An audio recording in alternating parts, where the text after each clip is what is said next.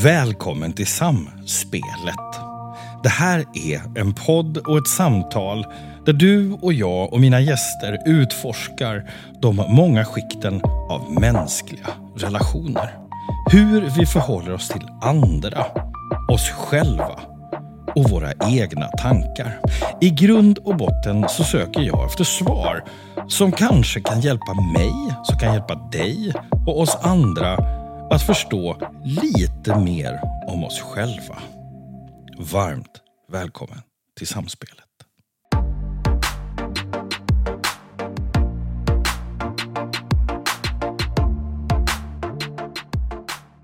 Jag, jag har faktiskt längtat efter det här samtalet. Därför att jag, kul. jag hade inte träffat dig innan vi sågs första gången. Nej, förra det. gången. Nej. Eh, och sen har, vi, sen har jag liksom följt med dig lite. Mm. Eh, och här kommer det. Eh, ehm, jag, jag är lite så här barnsligt exalterad, för jag vet idag vad vi kommer att prata om. Vi kommer alltså, och, det här, den här kombinationen tror jag är inte så vanlig. Eh, och här kommer så, Susan the Banshees, Oj, spännande. eh, Robert Smith, Mm. eh, Bodan Naft, Katmandu, Mm. Mm, mm, mm.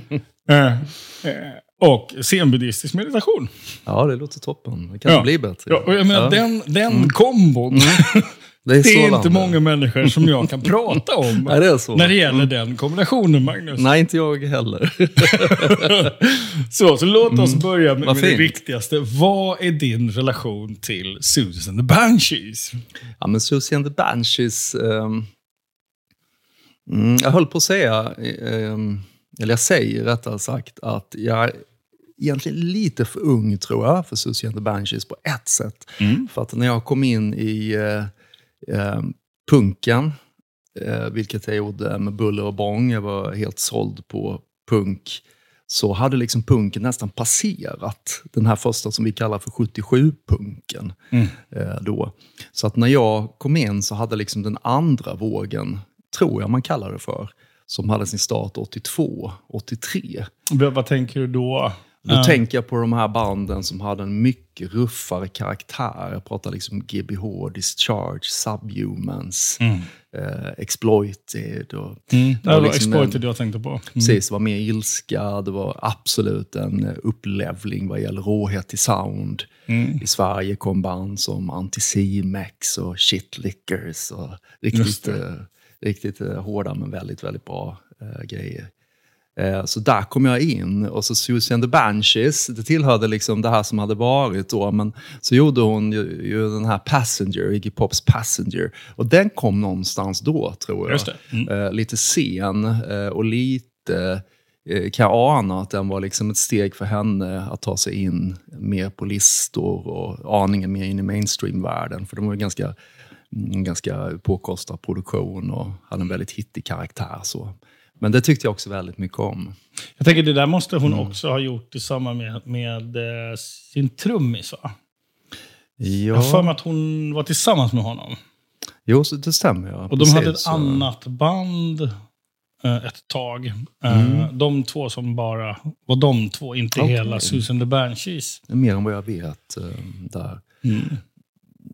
Så, så vad har du för relation till Susie and the Banshees? Nu när vi liksom var klara. För, för, för mitt möte med Susie and the Banshees är exakt likadant. Ja. Lite för sent. Ja. Nej, men jag tycker att eh, hon står ju liksom för, eh, för eh, den pi- pionjärdelen av punken som i min hemstad Karlshamn var extremt stark. Eh, Och då eh, ledde den ju fram till, det var en musikförening som hette Rockslaget och jag var på tok för ung för att få vara med där. Eh, Jag spelade i ett punkband men vi Eh, vi, vi kallades för smurfpunkarna. Vi var bara små, 12-13 år. Så hade ett band som hette Disarm.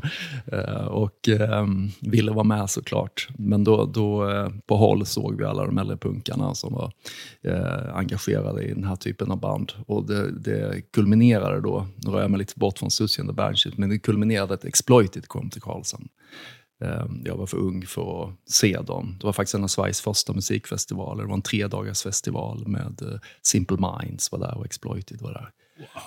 Eh, Och det här var före Hultsfred, ska man komma ihåg. Så det var oerhört inspirerande för oss eh, smurfar då att se att det här skedde. Liksom. vär- världen kom till Karlshamn. Det var ju när, när Simple Minds fortfarande var Ja, liksom coola. heta. Sen kom ju YouTube och dog de. Precis, och det var också när Simple Minds, eh, jag tror att det var när de gjorde de här eh, Sometimes Summertime, och jag har lite dålig koll på Simple Minds, men de, de, de bra delarna av Simple Minds tror jag, så innan det blev det mer poppiga. Don't you forget about me. Ja, exakt, ja, precis. Så, så, eh, så, så, så att jag liksom, det var en hangaround i hela den tidiga punkrörelsen. Och sen året efter så kom UK Subs till Karlsson. Eh, Och Asta Kask spelade förband och lokalband. Och då fick jag gå. Jag var jätteliten. Och, eh, pappa släppte av mig, mig och en kompis med, med eh, Vondo då. Eh, Ja, det här är helt magiskt. Alltså, jag, jag ber om ursäkt. Det här var lite oväntat. Jag är lite Ja. nyfiken. Toy Dolls. Absolut, Toy Dolls var ju stora då. De brukade ju spela i Sverige på den tiden. Och de, de rörde sig lite, i, i, i alla fall från där jag stod och vad jag, från vad jag förstod på den tiden, så eh, var de lite attraktiva för den tidens skinheads-rörelse då. Oh, ja. Eh, Det var, ju också, det var ju också en otroligt intressant... Jag kommer ihåg, jag, på den tiden så, så lekte jag journalist, eller på att säga, men jag, jag, jag ville ju bli musikjournalist. Sådär. och då var jag då var jag i Uppsala på Toy Dolls-spelningen och skulle intervjua de här. Oh. Det slutade med att vi gjorde helt andra saker än intervjua där inne.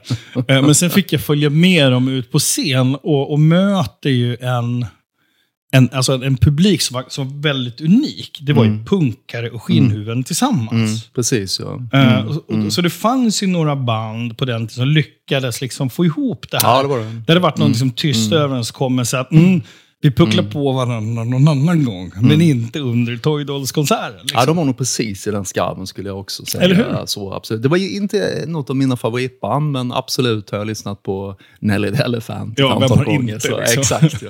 precis. Så, så definitivt eh, så. Men sen så var jag mer inne på eh, liksom den här andra vågen då, som sna- ganska snabbt eh, gick över mot det som hände i USA. Eh, Straight Edge och eh, Washington DC-scenen med Minor Threat och senare också Black Flag, som också kom till Karlshamn och spelade faktiskt. Eh, vilket var ganska fantastiskt. Både Black Flag och DOA var också där. Mm. Så det fanns mycket eldsjälar i, i den här lilla staden i Blekinge som var oerhört lyxigt för oss som var yngre. Mm. Ja, Robert Smith då? Ja, det, då rör vi oss lite fram i tiden. Då, Ja. Så, så då, då, Det är eh, inte många år fram i tid väl? Egentligen inte alls fram i tiden, men i mitt, eh, i mitt liv eh, fram Okej. i tiden, Mm. jag säger så. För hade ju, fanns ju redan eh, där och då. Mm. Eh, men, men då började jag, eh, eh, kom till de punkt där jag liksom började eh, släppa in annan musik än punk. Mm. Eh, vilket var inte alls var aktuellt före dess. Utan jag var väldigt sluten att, att det var den här musiken jag brann för. Eh, och eh, då var det ett par band som jag tyckte var rimliga att börja med. Och Motorhead var absolut ett av dem. De är också sådana här band, precis som Toyo, som byggde en brygga över mellan hårdrock och punk. Mm. Och eh, även Metallicas första skiva, Kill 'Em All, som också hade det punkiga över sig. Mm. Och sen så var det ju eh, då Sisters of Mercy, Ja. eh, First and Last and Always-skivan. Mm. Och eh, sen så presenterade en kompis till mig, han var lite äldre. Och det var ju det bästa som fanns när äldre kompisar spelade musik för en när man satt på golvet. Och Mm. Den här personen satt i en fåtölj framför skivspelaren och man visste att det var inte läge att lägga sig i. Liksom. Och bara la på och berättade om olika artister. Då. Och då kommer jag ihåg att han spelade Cure Pornography, den skivan. Och det, Oh. det tog mig liksom in i en annan musikalisk sfär Mm. på något sätt. Och då det öppnade upp till eh, mera Cure, men också till Kalt. Mm. Innan de gjorde de här, eh, Love tror jag den hette, deras skiva de slog igenom med. Men innan så gjorde de några skivor som var Spirit Walker. Jag kommer inte ihåg den hette riktigt. Kissasväng. Nej, jag kommer. Eh, I alla fall, eh, som också var väldigt eh, påverkade mig något enormt. Så det liksom tog mig ut på en annan musikalisk resa. U2 Mm. fanns också med där, med tid, I will follow. Mm. Mm. Mm. Jag har faktiskt druckit öl med Robert Smith. På, när de lirade på Hulf av en slump. Det låter Ja, ju mer, ja, det var mer det. en slump. Jag råkade stå bredvid honom när han beställde öl och så tittade jag på honom. Hi Robert och så klingade jag med ölen. Sen var det inget mer med det. Men det låter mycket coolare att säga att jag har druckit öl Mm. Ja, med Robert Smith. definitivt. Ja. Så. Så, Eh. och det, det var ju liksom, eh, hela den tiden var ju väldigt... Eh, nu det finns det sociala medier, man kan kanske skriva med någon artist eller någonting i direktmeddelande och få en direktkontakt. Men den fanns ju även då. Det fanns också en väldig givmildhet. Jag kommer ihåg, eh, det fanns ett punkband som hette Yuki Subs då. Jag berättade om någon som spelade i Karlshamn. Och jag gjorde ett fanzine på den tiden. Eh, Vi var väldigt unga och små, det var ganska trevande. Men eh, då, då skrev jag till Charlie Harper, då sångaren Yuki Subs, frågade om jag kunde intervjua honom. Och han, han, han svarade eh, direkt då. Och det, på något sätt, man fick liksom tag på hemadress. Det var, liksom det var, väl, det var inte slutet på något sätt. Och efter jag gjort den här intervjun då, så började vi liksom brevväxla. Eh, då. Och han var ju en, verkligen en eh, senior punkare som Ja, hade ja. enorm respekt med sig. Och jag var en slyngel eh, i Sverige som var ung och Eh, hade inte så bra koll. Så, så vi, så vi, eh, och då kommer jag ihåg att det var så fint. Liksom. För Till och med när han var på en sån här semesterresa i Grekland så fick jag ett vykort. Hälsningar från Charlie. Så, På riktigt? ja, så jag har vad kvar det någonstans alltså. hemma. Och så hade han ritat någon supercool sån här eh, tecknad punka som jag tror skulle föreställa någon, någon karaktär i deras band eller någonting. Sånt där. Så, så även då fanns den kontakten. Ja, men den där det ledde, ingen, den ledde ingenstans. Min, den vinner Eh, över min Robert Smith, det är helt klart. Alltså, vad cool. Ja. Eh, jag, jag tänker så här, för att jag...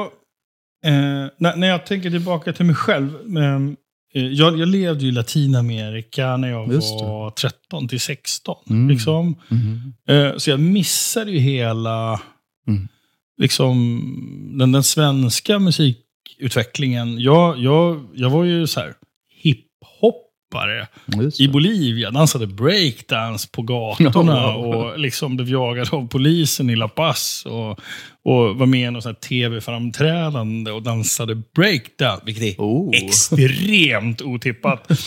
Eh, ehm, eh, men så när jag kom tillbaka efter Latinamerika, tillbaka till Sverige, då, då, liksom, då möttes jag ju av ett Eh, ja, men som ett eh, liksom, eh, smörgåsbord av massa oupptäckt musik. Så, att det, så jag var ju också för sen på bollen. Var kom du? Var det, det var inte Stockholm? Utan- Jag kom tillbaka till Stockholm. Det var Stockholm som var din Absolut. hemvist eh, då? Ja, just det. Ja, då, ja, det, wow. det, det var ju liksom syntare, Mm. det, var, det var ju liksom, det, det fanns all, allt möjligt. Så, Mm. så att jag under bara några år så gick jag igenom alla de här olika musikidentiteterna liksom från Mm. 16 till 20 bast. Som, Och där, där, där, där liksom, mm, eh, det, det finns en otrolig kraft i när jag liksom möter Susie och Susan the Banshees, den här eh,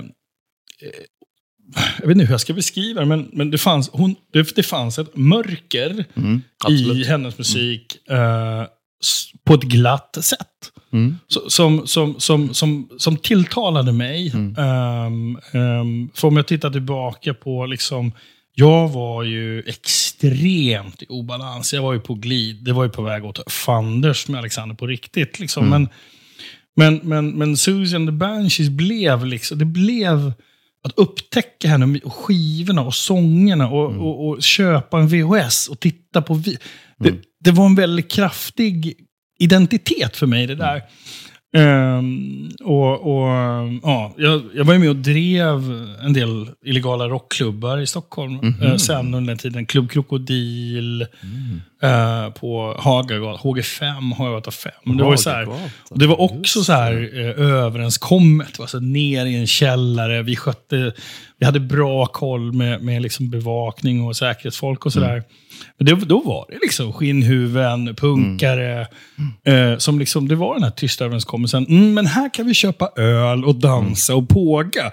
Så här bråkar vi inte. Ja, det. Liksom, det kan vi det. göra någon annanstans. Och, så, Mm. och, och, um, och, och då är det liksom Susan the Banshees, det är The Cure, det är The Cult. Mm. Eh, och, och sen kommer ju Metallicas liksom, eh, plattor. Så, ja, Mm. Otroligt spännande tid. Som, som, och, och, och, ja, och där, de, där liksom det här mötet med den här musiken, det blev så... Mm. För mig blev det väldigt um, befriande. Mm. Faktiskt. Ja, Alltså, enormt. Alltså, enormt så befriande. Ja, men Det- så det- åh fan, får man låta så här? Får man göra så här? Liksom. Mm. Mm. Ehm, Jag är uppväxt i, ett, eh, liksom, i en förort till Karlshamn, ett medelklassområde. Och det här var ju liksom ute i en väldigt eh, lockande marginal för mig. Eh, så, som jag tyckte var oerhört eh, spännande. Eh, och ville bara mer dit. Liksom. Men hade kanske familjeomständigheterna som mer höll, höll mig tillbaka från det.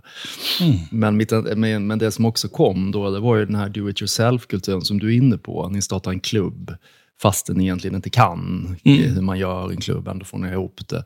Vi gjorde en tidning eh, som senare blev att vi gick över och hade vad man kallar för skivlista på den tiden. Det var ett begrepp.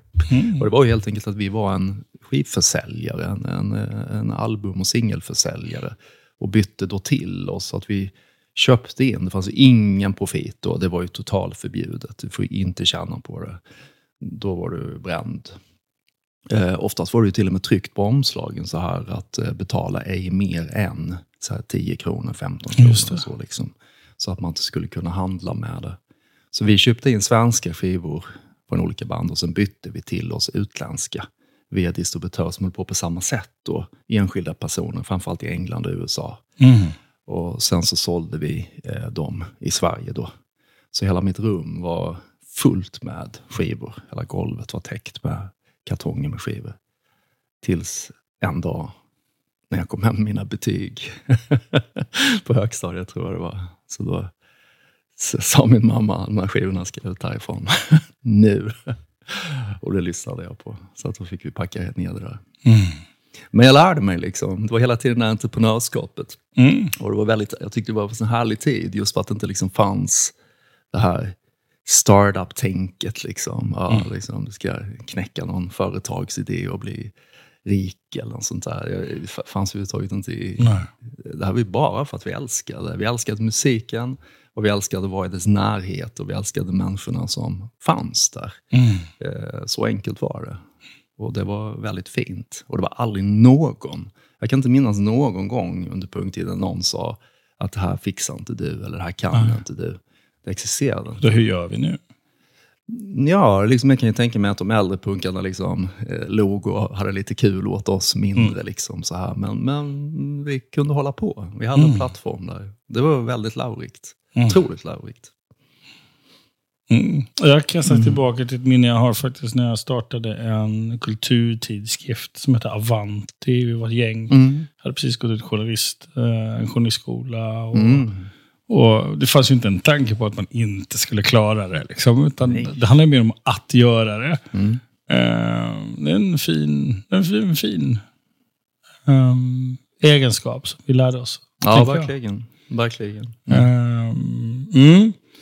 Eh, sen har då. Och då tänkte jag, eh, eh, för massa år sedan, det är ganska exakt, eh, ja nu är det nog banne mig ganska exakt 18 år sedan som jag, Mm. Mm.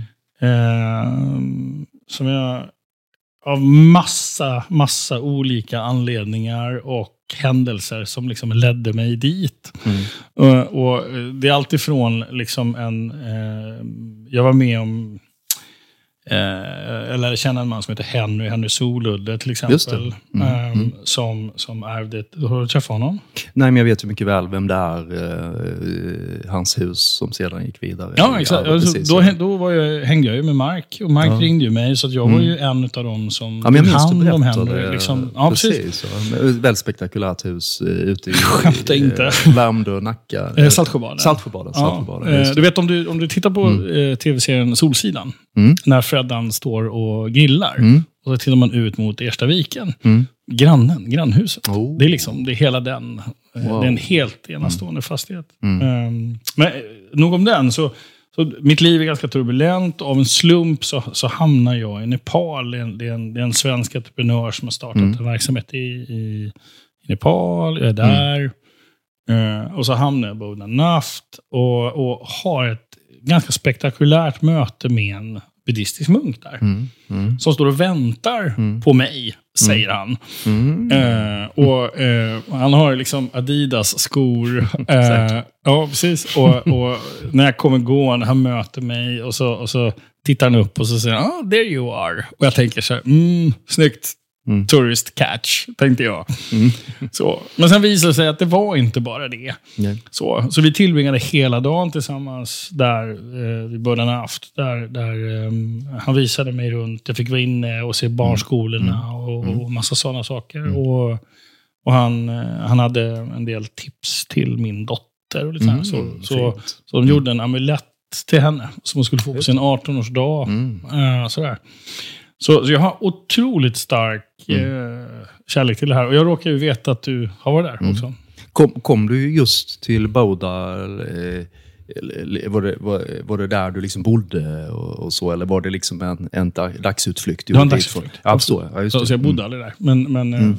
fick liksom mm gå runt och mm. under och i någon källare. Ja, men precis. Och, liksom. mm. ja, precis. För, för er som inte vet så är Boda då en förort till Kathmandu i Nepal. Man kan säga att det är en förort eller ett område i Kathmandu mm. som har en väldigt stark eh, påverkan av eh, eh tibetaner i exil. Som i stort sett liksom har rekonstruerat hela det här klosterväsendet som har varit så starkt i Tibet. Så att om man vill åka någonstans och eh, skåda tibetansk buddhism i sitt eh, liksom mest eh, vibranta skick så är det ett bra tips att åka dit. Mm. Mm. Så, berätta. Hur hamnade du där? Eh, ja, hur hamnade jag där? Eh, ja, men eh, det är en historia, det känns som att jag har berättat så många gånger, men, men den, den är värd att berätta. Så. Det, det, via, mina, via mina föräldrar som hade haft ett fadderbarn via SOS Barnbyar sen tidigt 70-tal. Eh, pojken heter Karma Tsering och eh, han hade kommit med sin familj eh, från Tibet till Nepal, vidare ner till Indien i den här eh, diasporan då, allt sedan Tibets ockupation 1950. Mm. Eh, och eh, föräldrarna, eh, mamman dog under flykten, pappan dog senare och han hamnade på ett sånt där orphanage, då, ett, en skola för föräldralösa och fick mina föräldrar som, som faddrar. Eh, mamma gjorde ett väldigt aktivt val. Hon hörde av sig till SOS Barnbyar för hon ville sponsra eh, just ett barn som hade flytt från Tibet. För hon hade läst mycket om vad som hade skett och hade mycket medkänsla med situationen. Mm. Och hon var extremt aktiv. Eh, otroligt, otroligt imponerad av hennes, eh, eh, i, i det tysta säger jag, för det var ingenting som hon pratade massor om när vi växte upp. Men hon skickade liksom kläder dit, så hon höll en väldigt regelbunden kontakt med Karma där han kunde känna sig trygg med någon på distans. Vad tänker du var det som drev henne då? Ja, jag tror att det var... Jag tror bara att det var att få hjälpa någon. Jag tror faktiskt så. Mm. Och, och, och, och, också glädjen man själv känner när man hjälper någon. Mm. Det tror jag det var. För hon har ju aldrig hon har aldrig visat några intresse för meditation eller något sådant, men väldigt mycket engagemang och intresse för tibetanernas öde.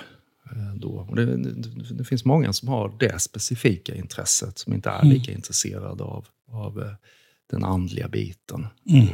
det finns fortfarande flera föreningar i stan, i Stockholm här, som jobbar väldigt mycket med, med eh, just den politiska frågan. Mm. och när jag, mina första minnen var när jag var 6-7 år. Då var rektorn på skolan i Europa.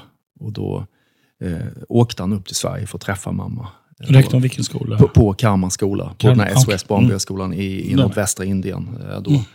Eh, och, och det sa, säger väl ganska mycket om hur aktiv hon hade varit liksom, och stuckit ut. För det fanns ju väldigt många faddrar på den här skolan såklart i, i väst då. Mm. Så det var inget unikt i sig. Ehm, men eh, där, där, där, där liksom blev det här bandet ännu starkare mellan mamma och eh, den här communityn. Och ehm, jag minns mest liksom en väldigt diger brevväxling, framförallt eh, mamma då och Karma, men även jag och min syster. Liksom, vi hade travar med brev som liksom skickades fram och tillbaka. Jag minns också någon period där det här intensifierades. Jag kan ha varit tio kanske. Jag minns att han gick över och skrev vårt efternamn mellan så här, Karma, Fridsering, så. Eh, vilket var väldigt eh, fint. Och det var, det var liksom inte heller något... Jag tror det var det som blev så bra, tror jag, med allting. För att det blev liksom ingen stor sak. Så att, ja, det är fint. Han, kan, han känner sig trygg så han kan göra det för oss går det jättebra såklart. Mm. Liksom, så. Och eh, sen så vet jag att det fanns många planer på att han skulle, Kamma skulle bjudas till Sverige då. Men det dröjde ända till eh, jag var i över tonåren. Och då hade han eh, dels eh, gått igenom en extremt hård militärträning uppe i Kashmir. och jag vet att mamma där försökte få bort honom från den då för att han skulle komma mm. till Sverige istället, vilket inte gick. Men han hade gjort den klart, då fanns en lucka. Så då, då kom han och bodde hos oss i tre, fyra månader. Jag hälsade mm. på tre, fyra månader. Vilket var fantastiskt. På väldigt omvälvande. I allra så, mest... Och, och, var du hemma då? Ja, liksom absolut. De Ja, hur, hur var det? Jag blir nyfiken.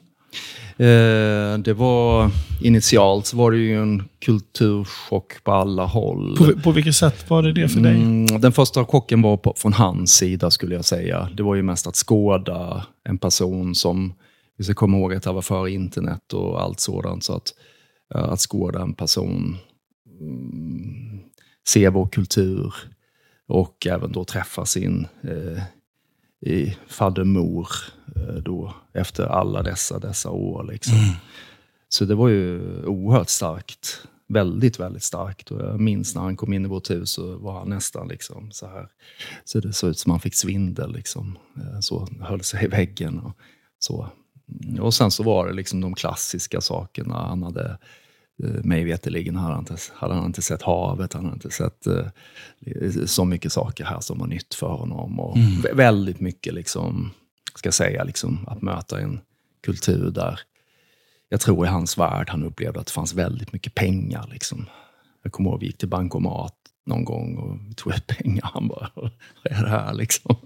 Det komma ut pengar genom lucka liksom. Det är klart han, det är klart han förstod det, för att, för att det liksom inte får honom att låta som att han kom från eh, liksom totalt utifrån eh, djungeln eller så. För han var ju universitetsutbildad och kunde prata bra engelska, allt så. Men ändå var det liksom väldigt chockande. Jag kommer ihåg att han tittade på alla prislappar. Vi köpte en vinterjacka åt honom första dagen för det var väldigt kallt när han kom. Och han liksom bara sant. Liksom. Det går bara inte. Det är ändå inte en märkbart mm. jättedyr jacka. Liksom. Så. Jag tänker den där är så... Eh, jag har ju liknande. Jag, nu bodde jag, jag var ju 13 när jag kom till Bolivia. Mm. Eh, och har liksom ett barns perspektiv på Sverige. Kommer till Bolivia, möter ett mm. land där, där, där liksom där, där, när jag åkte till skolan så åker man förbi ett, ett, en del av stan där det, där det liksom arbetar begravningsentreprenörer som ställer ut sina produkter för att mm. sälja. Och det är stor mellan liten kista. liksom, ja, symboler mm. för fattigdom som mm. liksom eh, som för dem naturligt, för mig är en chock. Och, mm. och, och, och, det intressanta är att jag brukar få frågan ganska ofta, sådär, men hur var det att komma dit? Mm. Eh, så då brukar mitt svar vara att det var jobbigare att komma hem. Mm. Mm. För den mm. kulturchocken var faktiskt svårare för mig. Mm. Att komma tillbaka till Sverige också, att upptäcka hur, hur lite mm. folk bryr sig. Hur lite vi som tror oss här mm. påstår att vi, har, att vi vet. Hur lite vi vet.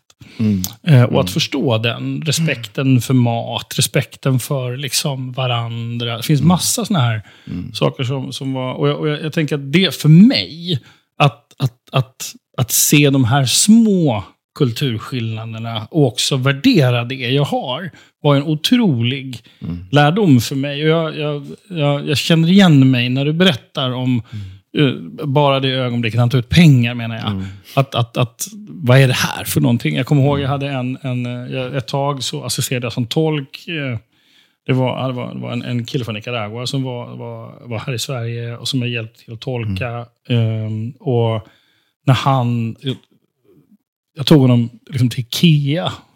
Mm. Så. Och, och, se hur han uppfattade Ikea. Hur reagerade han där? Ja, men alltså, han, han, det, var, det var fruktansvärt för honom mm. att se hur, mm. hur, hur vi konsumerar. Mm. Liksom, så här, och, mm. och, och, och, och liksom, av allt han köpte, av vad han kunde ha köpt, ta med sig hem och så, där, så köpte han två stycken såna handdockor för att kunna få ge till sina två barn. Mm. För att kunna leka med andra barn. Mm. Mm. Mm. Ja, och, Mm. och, oh, vad det är viktigt att fånga såna här saker i Mm. livet Mm. idag, tänker jag. Ja, förlåt. Jag avbröt Nej, var jättefint att höra. Tycker jag. som jag hamnade i. Eh, ja, nej men så på den vägen var det. Och det finns ju tusen saker att berätta om det där. eh. Men jag, eh, det, det, under den tiden, vad som skedde i korthet var att jag blev oerhört intresserad. Jag hade liksom redan väckt den där livsåskådningsådran inom mig. Mm. Så, och eh, blev väldigt påverkad. Gamma gav mig en del bra böcker, Dalai Lama, det fanns instruktioner för meditation och så. Och eh, då bestämde vi att jag, när jag hade gått ut skolan skulle jag åka och hälsa på honom då. Det är väldigt naturligt såklart att han hade sett Sverige och så skulle jag komma dit. då. Eh, för det hade liksom aldrig mamma haft någon plan på. Mm. Och det, det, det vet jag inte riktigt varför så, men eh, kanske det inte var, det var inte det som intresserade henne helt enkelt tror jag. Men så jag åkte dit, jag var 20 år då, så jag åkte dit med en kompis och vi eh, eh, möttes på flygplatsen och hade då arrangerat en två månaders resa i nordvästra Indien eh, till Dharamsala där Dalai Lama hade sin, eller har sin exilregering. Till Missouri där Kamma hade växt upp. Där alla visste vem Eva Frids son var när jag kom. Så det var ju väldigt eh, jättekonstigt. Alla Mm. visste vem mamma, mamma var. Liksom. För att eh, alla visste att hon hade gjort det här eh, liksom, jobbet, eller vad ska jag säga, eller byggt den här relationen med, med Karma över så oerhört lång tid. Då. Så det var väldigt fint. Och sen så åkte vi upp, eh, var kanske där resan kulminerade. Vi var uppe i eh, något som heter Valley of Flowers i Uttarakhand, en ganska remote, eh, ett remote område upp mot Tibets gräns. Mm. Eh, det finns en dal där som heter då Valley of Flowers som är eh, ett naturfenomen där väldigt mycket olika slags blomarter just i den här dalen omgiven av glaciärer. Och på andra sidan ligger Tibet. Då. Så där var vi. Där blev jag också väldigt, väldigt sjuk. Jag fick hjärt och lungsäcksinflammation. Trodde att jag skulle, enda gången i mitt liv jag trodde jag kanske tänkte att nu kanske jag inte klarar mig för det var väldigt intensivt att hamna på sjukhus och sådär. Eh, Men eh, som man var då så hade jag inga som helst planer på att åka hem, så vi fortsatte till Nepal eh, några veckor efter när jag hade vilat upp mig. Och då kom vi till Boda, Boda natt, där eh, Kammas bästa kompis Lobsang bodde. Så vi bodde hemma hos honom i en hel eh, månad, då, Wow. precis vid eh, den här pagoden, eller stupa som det heter Mm. på, på tibetanska. Då. Och eh, det, eftersom jag var sjuk, planen var att vi skulle eh, gå på en trekking upp i norra Nepal och hälsa på Kammas. Eh, han hade en faste som bodde där uppe, långt upp i bergen. Men det vågade jag inte eftersom mitt hjärta hade strulat. Så att eh, min kompis och Karma gav sig av och jag var kvar i Kathmandu. Och eh, då hade jag ju nästan ett par, tre veckor själv där. Som jag spenderade väldigt mycket tid vid båda stupan.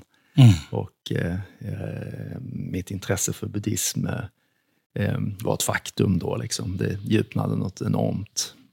Så jag bodde i ett kloster tre, fyra dagar, gjorde min första så här trevande retreat och gick på olika såna här föreläsningar. Olika, eh, det finns lite olika kloster som erbjuder lördagsföreläsningar om olika topics, olika teman inom buddhistisk filosofi. Då. Mm. Och eh, fullständigt, eh, eh, vad säger man, marinerade mig i, i allt det där då. Och började också lite ta mina första trevande steg att, att börja lära mig läsa tibetansk skrift och så här också då. Som jag sen gick vidare med senare. Just det. Så att det var liksom, den där resan var helt fantastisk. Och jag hade en flickvän hemma, Ida, som nu är min fru. Och hade jag inte haft henne så är jag ganska säker på att jag hade blivit kvar. Men, Mm. men, men, men jag ville verkligen hem till henne. Så det var, jag brukar tänka att det var nog bra tror att, Mm. jag, att jag åkte hem. För hjärtat av flera anledningar. ja, även för den jag var då. Jag tror kanske att det hade blivit lite överväldigande så. Mm. Men jag åkte Va, va, vad tänker du hade hänt? Men jag tror nog att jag hade dragits mot eh, det monastiska. Det tror jag, för att jag var så inne på Och det. vad betyder det? För Eh, ja, att, helt tiden, att jag hade spenderat tid i kloster då.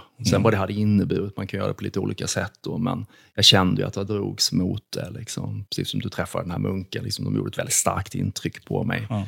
Men jag är väldigt lyckligt lottad, för jag hade karma hela tiden som kunde, liksom, som kunde liksom bena ut lite för mig.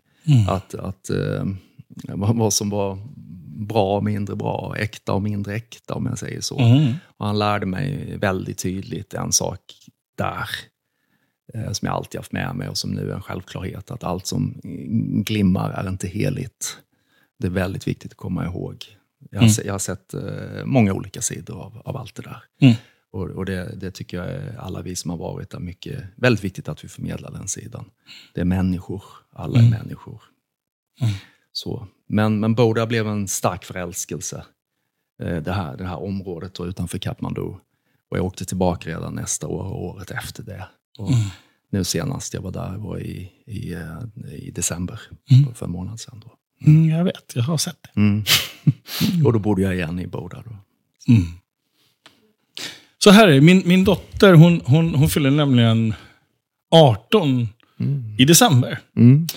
Mm. Och, och grejen är, när jag är eh, vid stupan och träffar den här mannen, så, jag, ska inte, det är så intressant att du säger allt som glimmar är inte äkta. Eh, ehm, för jag var ju precis där i mötet med den här munken, så Mm. ja, inte helt oerfaren. Jag fattar att det finns, det finns olika intressen och så. Mm. Eh, Och jag är ganska skeptisk när jag träffar honom. Men, men, men han, han, han tittar på mig lite plirigt där för Mm. ganska exakt 18 år sedan. Och så frågar han helt plötsligt, så hur mår din dotter? Mm. Så. Och jag så här, eh, va? Eh, jo, men hur gammal är hon nu? Hon borde vara ett halvår, va? Du vet. Mm. Så börjar han prata. Mm. Eh, och, och, eh, så jag hängde ju med honom hela dagen. Mm. Mm. Och, och då så sa han att eh, eh, din dotter kommer ha tuffa tonår. Så vi ska göra en amulett till henne. Och eh, Så ska ge henne en present. Och, och, och då var det eh, en grej som, som barnen Mm. som, som bodde där runt eh, det här, runt stupan. Eh, så, hade de, eh, så gjorde de en, en, en, en amulett och en, ja, så, eh, så tidningspapper och så här. Det här ska du ge henne när hon fyller 18. Oh. Så. Eh, och, och det här har jag ju berättat för henne, Mm. typ när hon är Mm. 13-14. Och hon, hon, hon, ehm, hon har varit lite arg på mig för det. För hon liksom så här, när du är 18 så kommer du få sådana, har jag berättat om den här upplevelsen Mm. med, med, med, den här, med den här munken och sådär. Eh, och, och, och hon fyllde ju 18 i december och samtidigt så är du i Nepal. Så, att, så det var väldigt, väldigt härligt att följa dig på Insta och se de här bilderna från stupan. För det kastade fin tillbaka. Ja. Mm. Eh, för hur, hur mycket Mm. man än kommer ihåg saker och Mm. ting, så blev det en, Mm. en, en, en, en, en tydligare visuell påminnelse Mm. med majsen och hönorna och klockorna. Och, Och det ser så likt också. och det Ja. ser precis likadant ut. Mm. Liksom. Det ser precis likadant ut. Det har bara tjockats på med att det byggts och byggts och byggts och byggts och fälten runt omkring har blivit fyllda med hus. Men annars är det sig likt. Ja, ja Och- fint. och- jättefint. Ehm, och, och gåvan var egentligen till henne var ju inte amuletten i sig. Nej. Mm. Utan det var vetskapen om att det kommer komma en present. Precis. Liksom, och, Mm. och att lära sig att vänta och tålamodet. Ja, exakt. Och, och. Precis. Mm. Mm. Eh, ja, jag ska inte tala för henne då, men, men, men, men jag tror att det har varit en fin, en, en fin upplevelse i alla fall. Mm. Det som hände dagen Mm. efter, då han frågade nämligen den dagen, då, då tittade han på mig och frågade eh, eh, din dotter hon kommer ha det lite tufft här. Skulle du vilja att laman ber för henne? Mm. Mm. Eh, eh, och, och då var det inte laman laman. Jag kan, du kan det här. Mm. Utan det var en underlama. Finns det sådana? Kan man Det säga finns, så? eh, det finns lite olika titlar. eh, Så. Det, beror, det beror på hur eh, lång utbildning de har. Det är liksom som ett eh, klosteruniversitet och en del är Kempo som har gått Mm. Men det var en högt uppsatt lama som var Mm. på besök i Kathmandu. Som skulle Ja, vara där dagen efter. Ja, ja, absolut. Men Så. då är det någon höjdare. Mm. Det var någon höjdare. Mm, mm. Precis så. Mm. Eh, och, och, och frågade om, om, om det är okej att han ber för Tyra dagen Mm. efter. Så dagen efter kom jag, för andra dagen i rad, kom jag dit och hörde ett, ett helt torg fullt med munkar recitera Mm. eh, om Mani Padme Hum för min dotter. Ja, exakt. Det är väldigt vackert. Mm. Så. Mm. Eh, så Mm. och- Sen Mm. varje gång jag Mm. tänker på det så Mm. har jag lite ståpäls och sådär. Det är ett Eh, väldigt vackert mantra som även din dotter kan använda sig av liksom, som trygghet och känna att hon hittar liksom ett, eh, ett lugn inombords. Det är precis vad det mantrat ska göra. Det ska leda till lugn och trygghet och framförallt medkänsla. Man känner självmedkänsla för sig själv och för medkänsla för världen. Det är vad det betyder, mantrat. Mm. Jag tycker det är kul hur, en, hur, hur, Mm. barn, hur min dotter kan Mm. få en relation till Mm. buddhistisk lära utan Mm. en sån susning. Då kanske det är dags att ni åker dit tillsammans eh, Precis. om ett tag. Det är inte helt omöjligt. Nej, jag hade faktiskt med mina döttrar för eh, tre år sedan. Mm. Eh, Då. Hur gamla var de då? Då var de, ja, då var de eh, 17, 16 och 18 var de då. Mm. Precis. Och då, eh, Karma, min fadderbror, han har numera ett hus precis i närheten av Boda. Mm. Eh, och det har gått väldigt bra för honom i livet. Eh, Ja, roligt att höra. Jätteroligt. Han är allt annat än beroende av oss på, på, av några ekonomiska skäl. Mm. Och han har två söner som är lite äldre. Så att de fick också träffas då för första gången. Så det kändes, det kändes som en stor cirkel slöts, vilket var väldigt, väldigt fint. Wow. Väldigt, väldigt fint, eh, verkligen. Och min yngsta dotter tyckte jättemycket om det.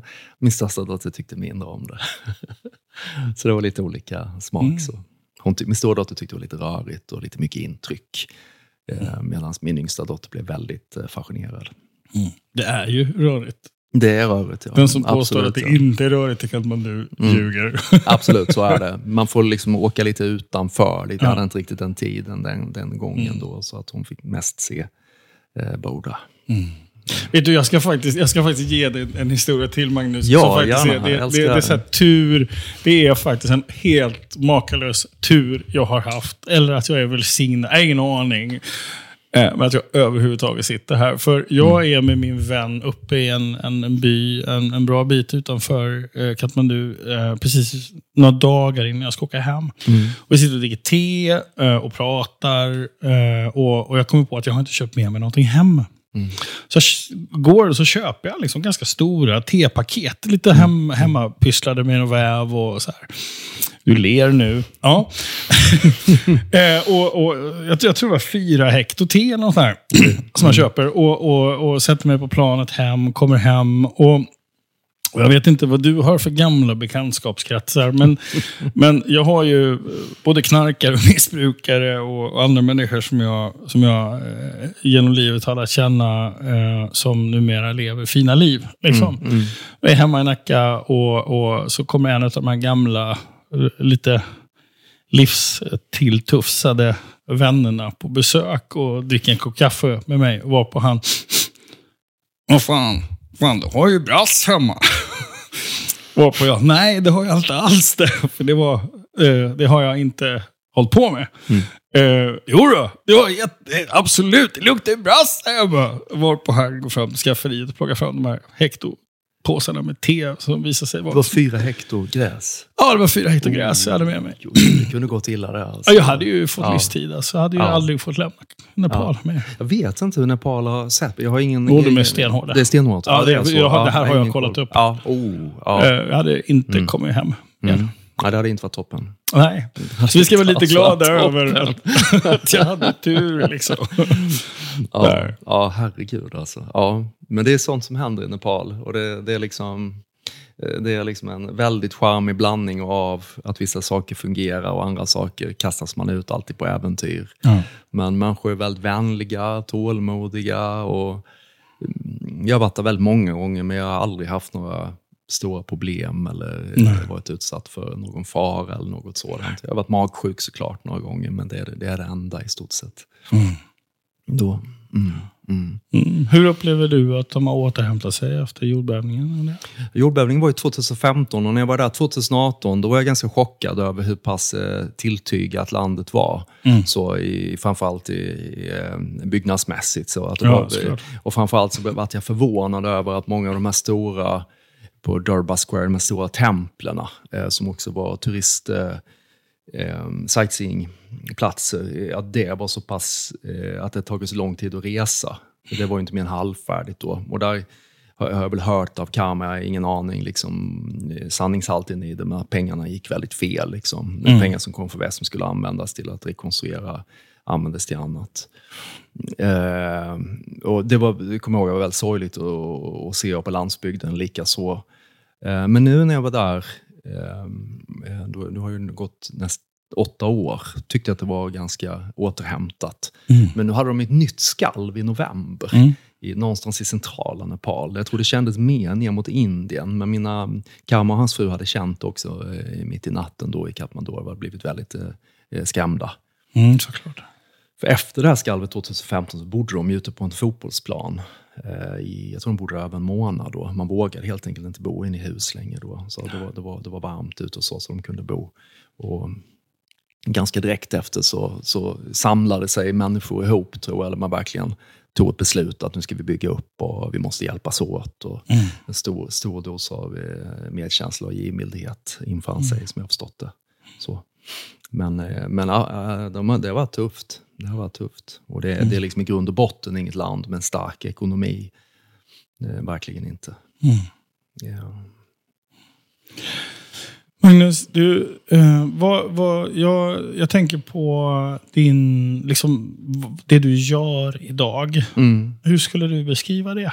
Vad liksom, jag vill inte fråga vad har du för yrke, för den, den, känns, den känns platt. Mm.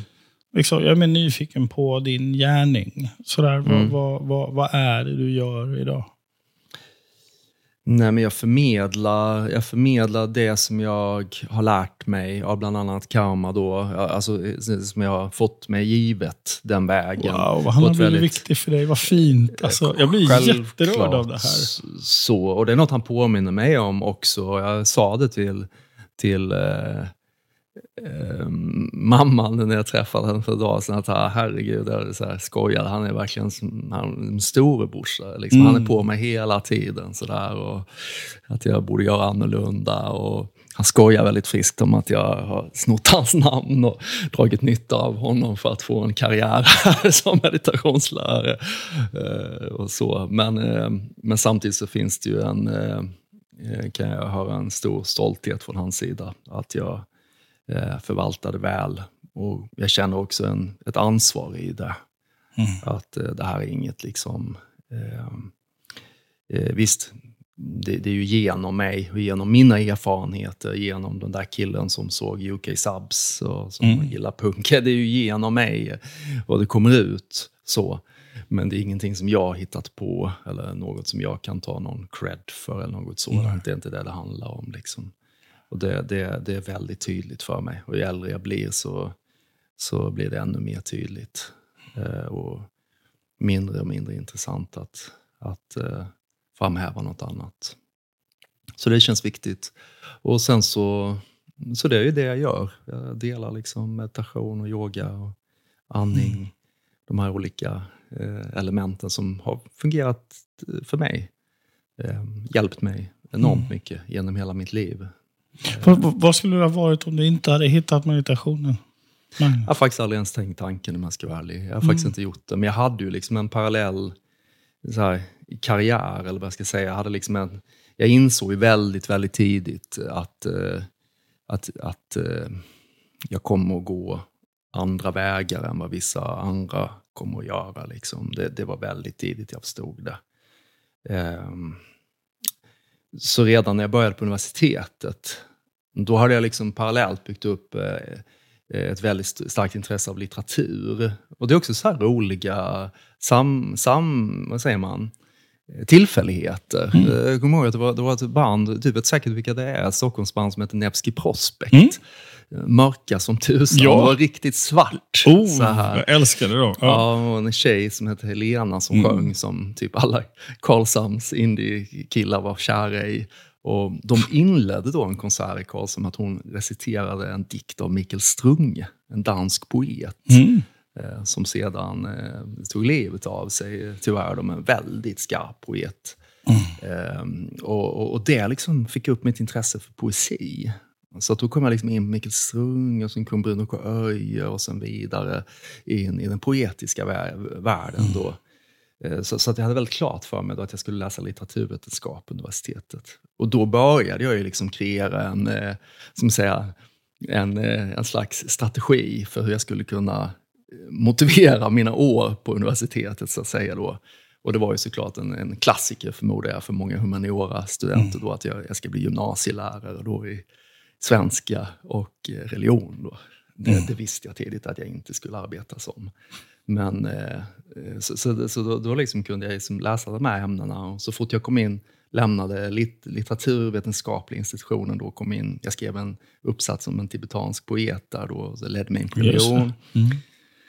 Och då insåg jag liksom att det här tar mig, igen tar det mig in i, buddhismen då, liksom, fast på ett nytt sätt. Så då, då flyttade jag väldigt målinriktat till Stockholm för att läsa tibetanska och sanskrit.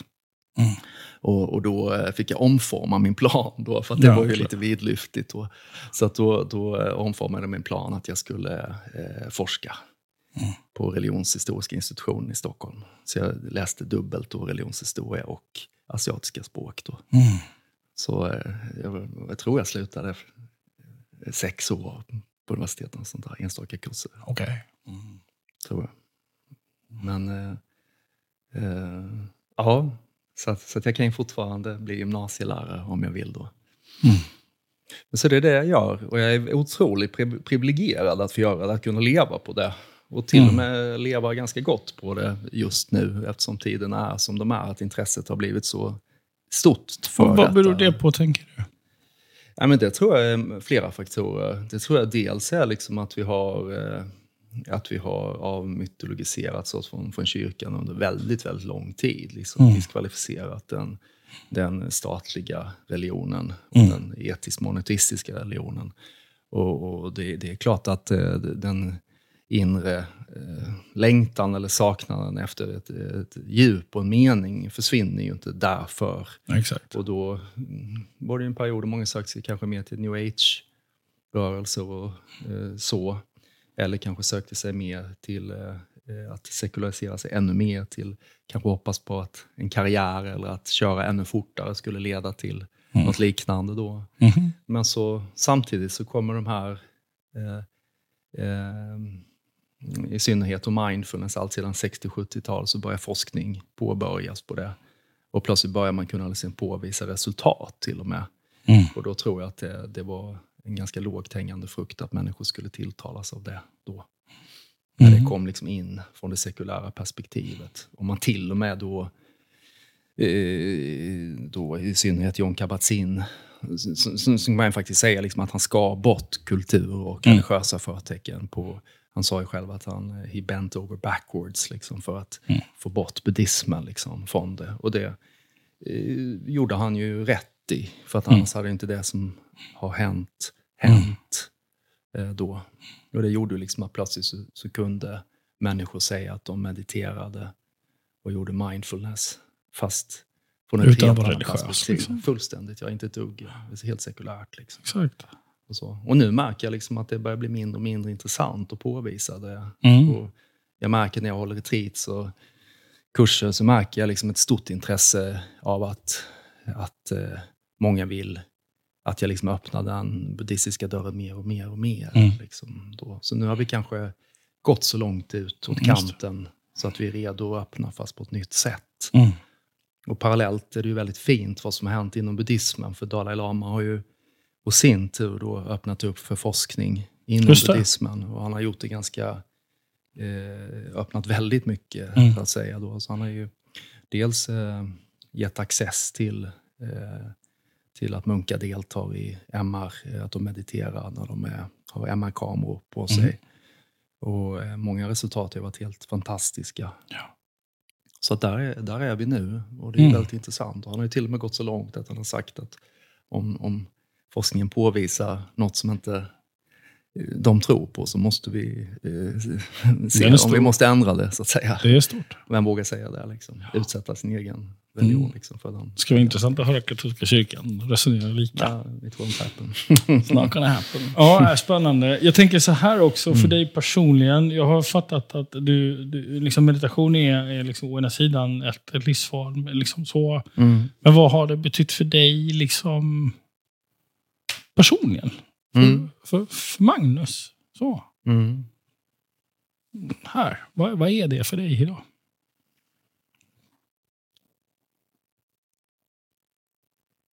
Men jag tror det, jag tror det är liksom upplevelsen att vara, känna sig integrerad Mm. och autentisk.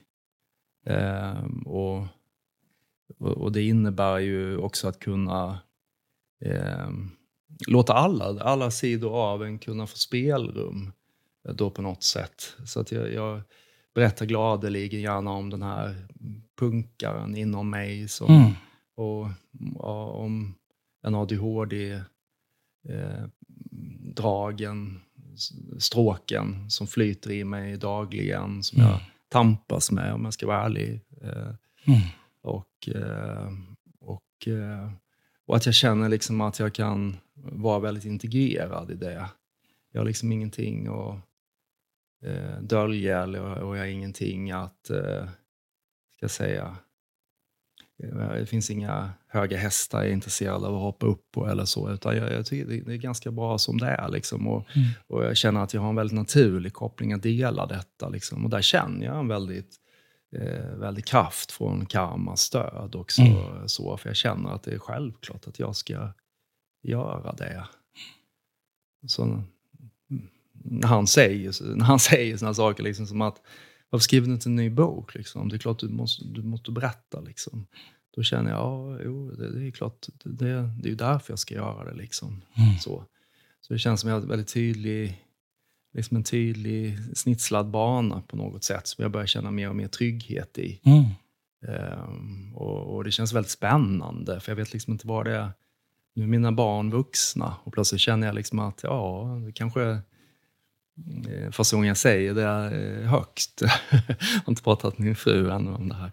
Men eh, jag tänker liksom att den där killen liksom, som en gång då ville vara kvar i Nepal men åkte hem för kärleken till henne var större. Liksom. Men nu är barnen vuxna och nu känner jag kanske att det är kanske nu jag kan vara lite längre. Mm. Och hon kan ju åka med, hon kan hälsa på.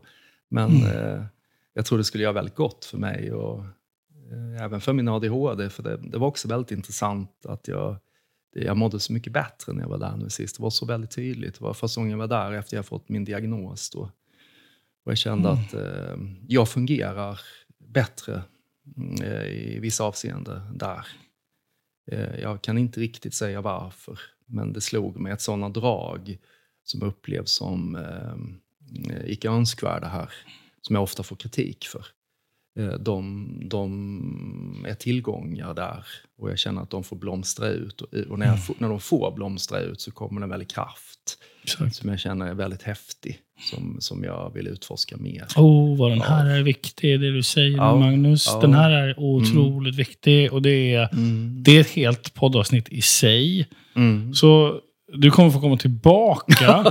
för den här ska vi prata om. Den här Ja. ska vi vilja utforska. Ja. För jag har, jobbat, jag har jobbat ganska mycket med, Mm. med ADHD. Mm. Jag har jobbat med att skapa rum Mm. eh, med tonåringar, föräldrar, eh, Mm. ensam, som alla har en koppling till ADHD. Och vad händer i det rummet när, vi får, när man liksom får ha det här tillsammans? Mm. Och man får börja prata om det. Och när man liksom, så att säga, jag vill inte säga skuldsanerar, men när man plötsligt upptäcker att Jaha, så min sons utmaning eh, är liknande som din dotters utmaning och din Mm. skam liknar min skam. Och så kan vi börja prata om det och plötsligt få en...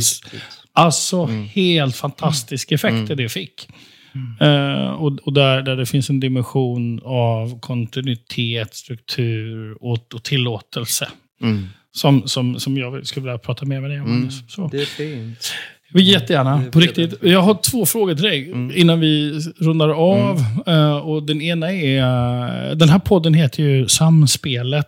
Mm. Som, som för mig, eh, det är en vidareutveckling av min tidigare podd. Där det var liksom på något sätt en, en, en inramning att jag ska coacha dig. Och Mm. jag, jag, är, jag är ganska ointresserad av den, den formen av relation idag. Mm. Jag är mer intresserad av så vad är det vi samspelar. Mm. Mm.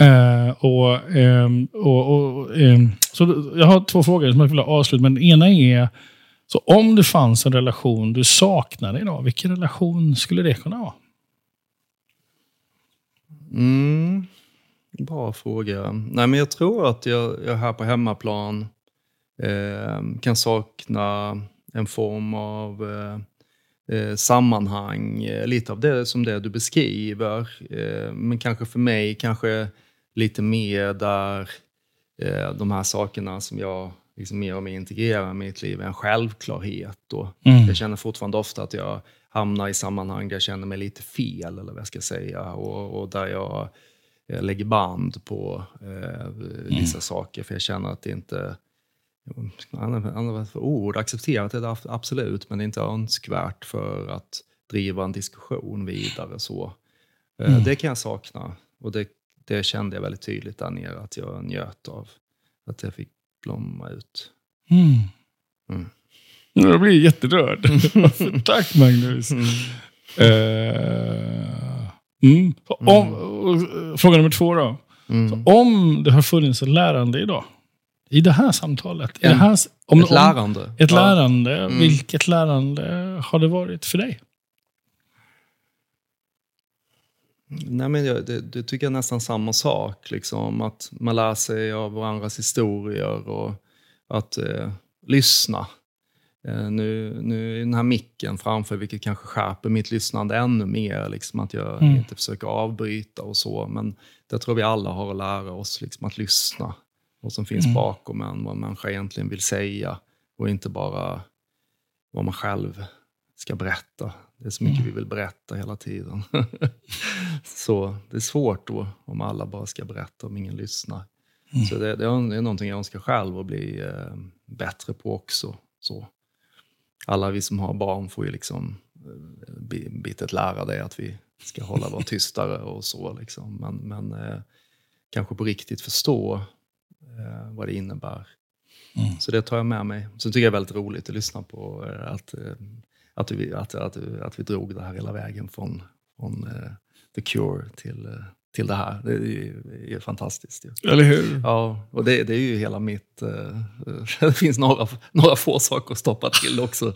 Så här, så- Det finns lite mer. Ja, och, och jag har känsla av, ja, jag har en känsla av att om vi fortsätter prata kommer vi hitta fler sådana. Absolut, liksom. ja. Självklart. Så det ser jag fram emot, Så är Magnus. det. Vi har växt upp i samma eh, era, du och jag. Liksom, Mm. och det, det, känns tydligt. Ja, det är fint. Mm. Jag Håller med. Tack, Magnus. fint. Men jag får jag lägga till en sak till? Ja, absolut. Jag tänkte det, för att jag tänkte på, för det tycker jag också var så fint när jag var nu, eh, där berättade jag faktiskt för mamma eh, också. Och det var ehm, eh, att, eh, nej, jag, jag, jag har inte tänkt på det så mycket tidigare, men när, när, när jag kom fram så, så, så, så pratade vi vardagligt, Karma och jag, och då, då pratar han liksom hela tiden, han pratar om hur mår mamma? Eh, ja, men vad gör mamma nu? Liksom, vad är hon? Och då, då slog det mig någonstans mitt i så att han pratar liksom om min mamma. och liksom... eh, Hade det varit en grundare så hade jag kanske blivit revirig och tänkt att det, det är inte din mamma, det är min mamma. Liksom. Du, du kan, men då, då slog det mig att liksom det hon har åstadkommit i allt detta och mm, som har växt fram ur detta är liksom att det reviret inte finns kvar längre. Och det tycker jag också är väldigt viktigt idag. Att vi kan liksom dela saker. Vi kan kliva bort från det där egot. Mm. Eh, och, och det slog mig så tydligt när jag kände att jag, det, jag tycker bara det är fint när han säger det. Liksom. Det är deras relation. Eh, ja, jag vet inte varför jag vill lägga till det, men jag tycker bara det är fint att, att jag tror att vi måste alla backa undan från det där fastklängandet. Att det är mitt och det är jag som ska... Jag tror jag tänkte på det just för att det, eh, jag måste bara få säga detta. Och det är alltid så Mm. mycket liksom. Jag, jag, jag tänker också just, Så mycket, eh, liksom. jag, jag, jag tappar in på den jättemycket för att jag, det, det är det som jag känner är skillnaden mellan min förra podd och den här. Mm. Att, att jag vill inte ha premissen jag. Nej. Jag vill ha premissen Mm. samspelet. Ja. Mm. Eh, för Mm. den är mycket viktigare idag, så som världen ser ut idag. Att, att vi behöver Ja. gå ifrån oss själva, Mm. egot och, och bli nyfikna på vad det är som pågår mellan oss. Mm. Hur, kan vi, hur kan vi utveckla det, stötta det, ta hand om det? Och det börjar, liksom, det, det börjar när vi går ut på gatan här tycker jag också. För det är också, jag vet, jag vet inte bara om jag har blivit äldre och så här gubbig som slänger käft med folk till höger och vän- vänster. Liksom. Men jag lägger extremt mycket eh, vikt vid, så här, jag kallar det för lösa band. Mm. Jag tror det är Katarina Blom som har använt den termen, Mm. mm. psykologen, en kompis till, till troligtvis båda, båda oss. Eh, eh, alltså, att bry dig om folk. Mm. Eh, För alla vill ha det så här, men vi tror inte det. Vi tror att folk är rädda och vi tror att svenskar Mm. är så inbundna och vill inte prata. Vi, Det tror inte jag på. Alltså det är inte så. Nej. Alltså det räcker att du testar det bara lite mjukt så kommer du märka att väldigt många är väldigt pratglada och innerliga och hjälpsamma utan att de vill åt dig så att säga. Jag tror att livet blir mycket, mycket lättare om man är lite trevligare. Absolut. Det är inte så. Dalai Lama sa tidigt, så här, man kan känna ibland så att om det liksom är floskler, så han sa liksom att alla, alla jag träffar är potentiella vänner. Liksom. Såklart. Men, men, men så tror jag inte alla tänker. Eh, Om du läser sociala medier idag så tror jag att alla tänker att eh, de flesta av mina fiender, så om inte de tycker exakt som jag vill säga, och gör de inte det så ska jag få dem att tycka exakt som jag. Men, men jag, jag går mycket mer på Dalai Lamas linje där. Att det är potentiella, potentiella vänner jag träffar. Då är världen en väldigt härlig plats att befinna sig i. Så du menar att vi ska avsluta podden med citat från Dalai Lama idag? Ja, absolut, det gör jag gladeligen. Ja, jag håller med. Tack ska du ha Magnus. Tack så jättemycket. Att bara tänka utan att göra. Ja, det är ju en sak. Men att agera på det man har tänkt, det är ju någonting helt annat. Dela med dig. Vad var det som gjorde skillnad för dig i dagens samtal? Hör av dig, berätta. mejla oss på samspelet at alexanderholmberg.se. Tack för att du har samspelat med oss. Jag kan bli nyfiken på vad var det du lärde dig av samtalet idag? Vad var det som blev viktigt på riktigt för dig? Och hur ska du använda dig av det i din vardag för att göra skillnad.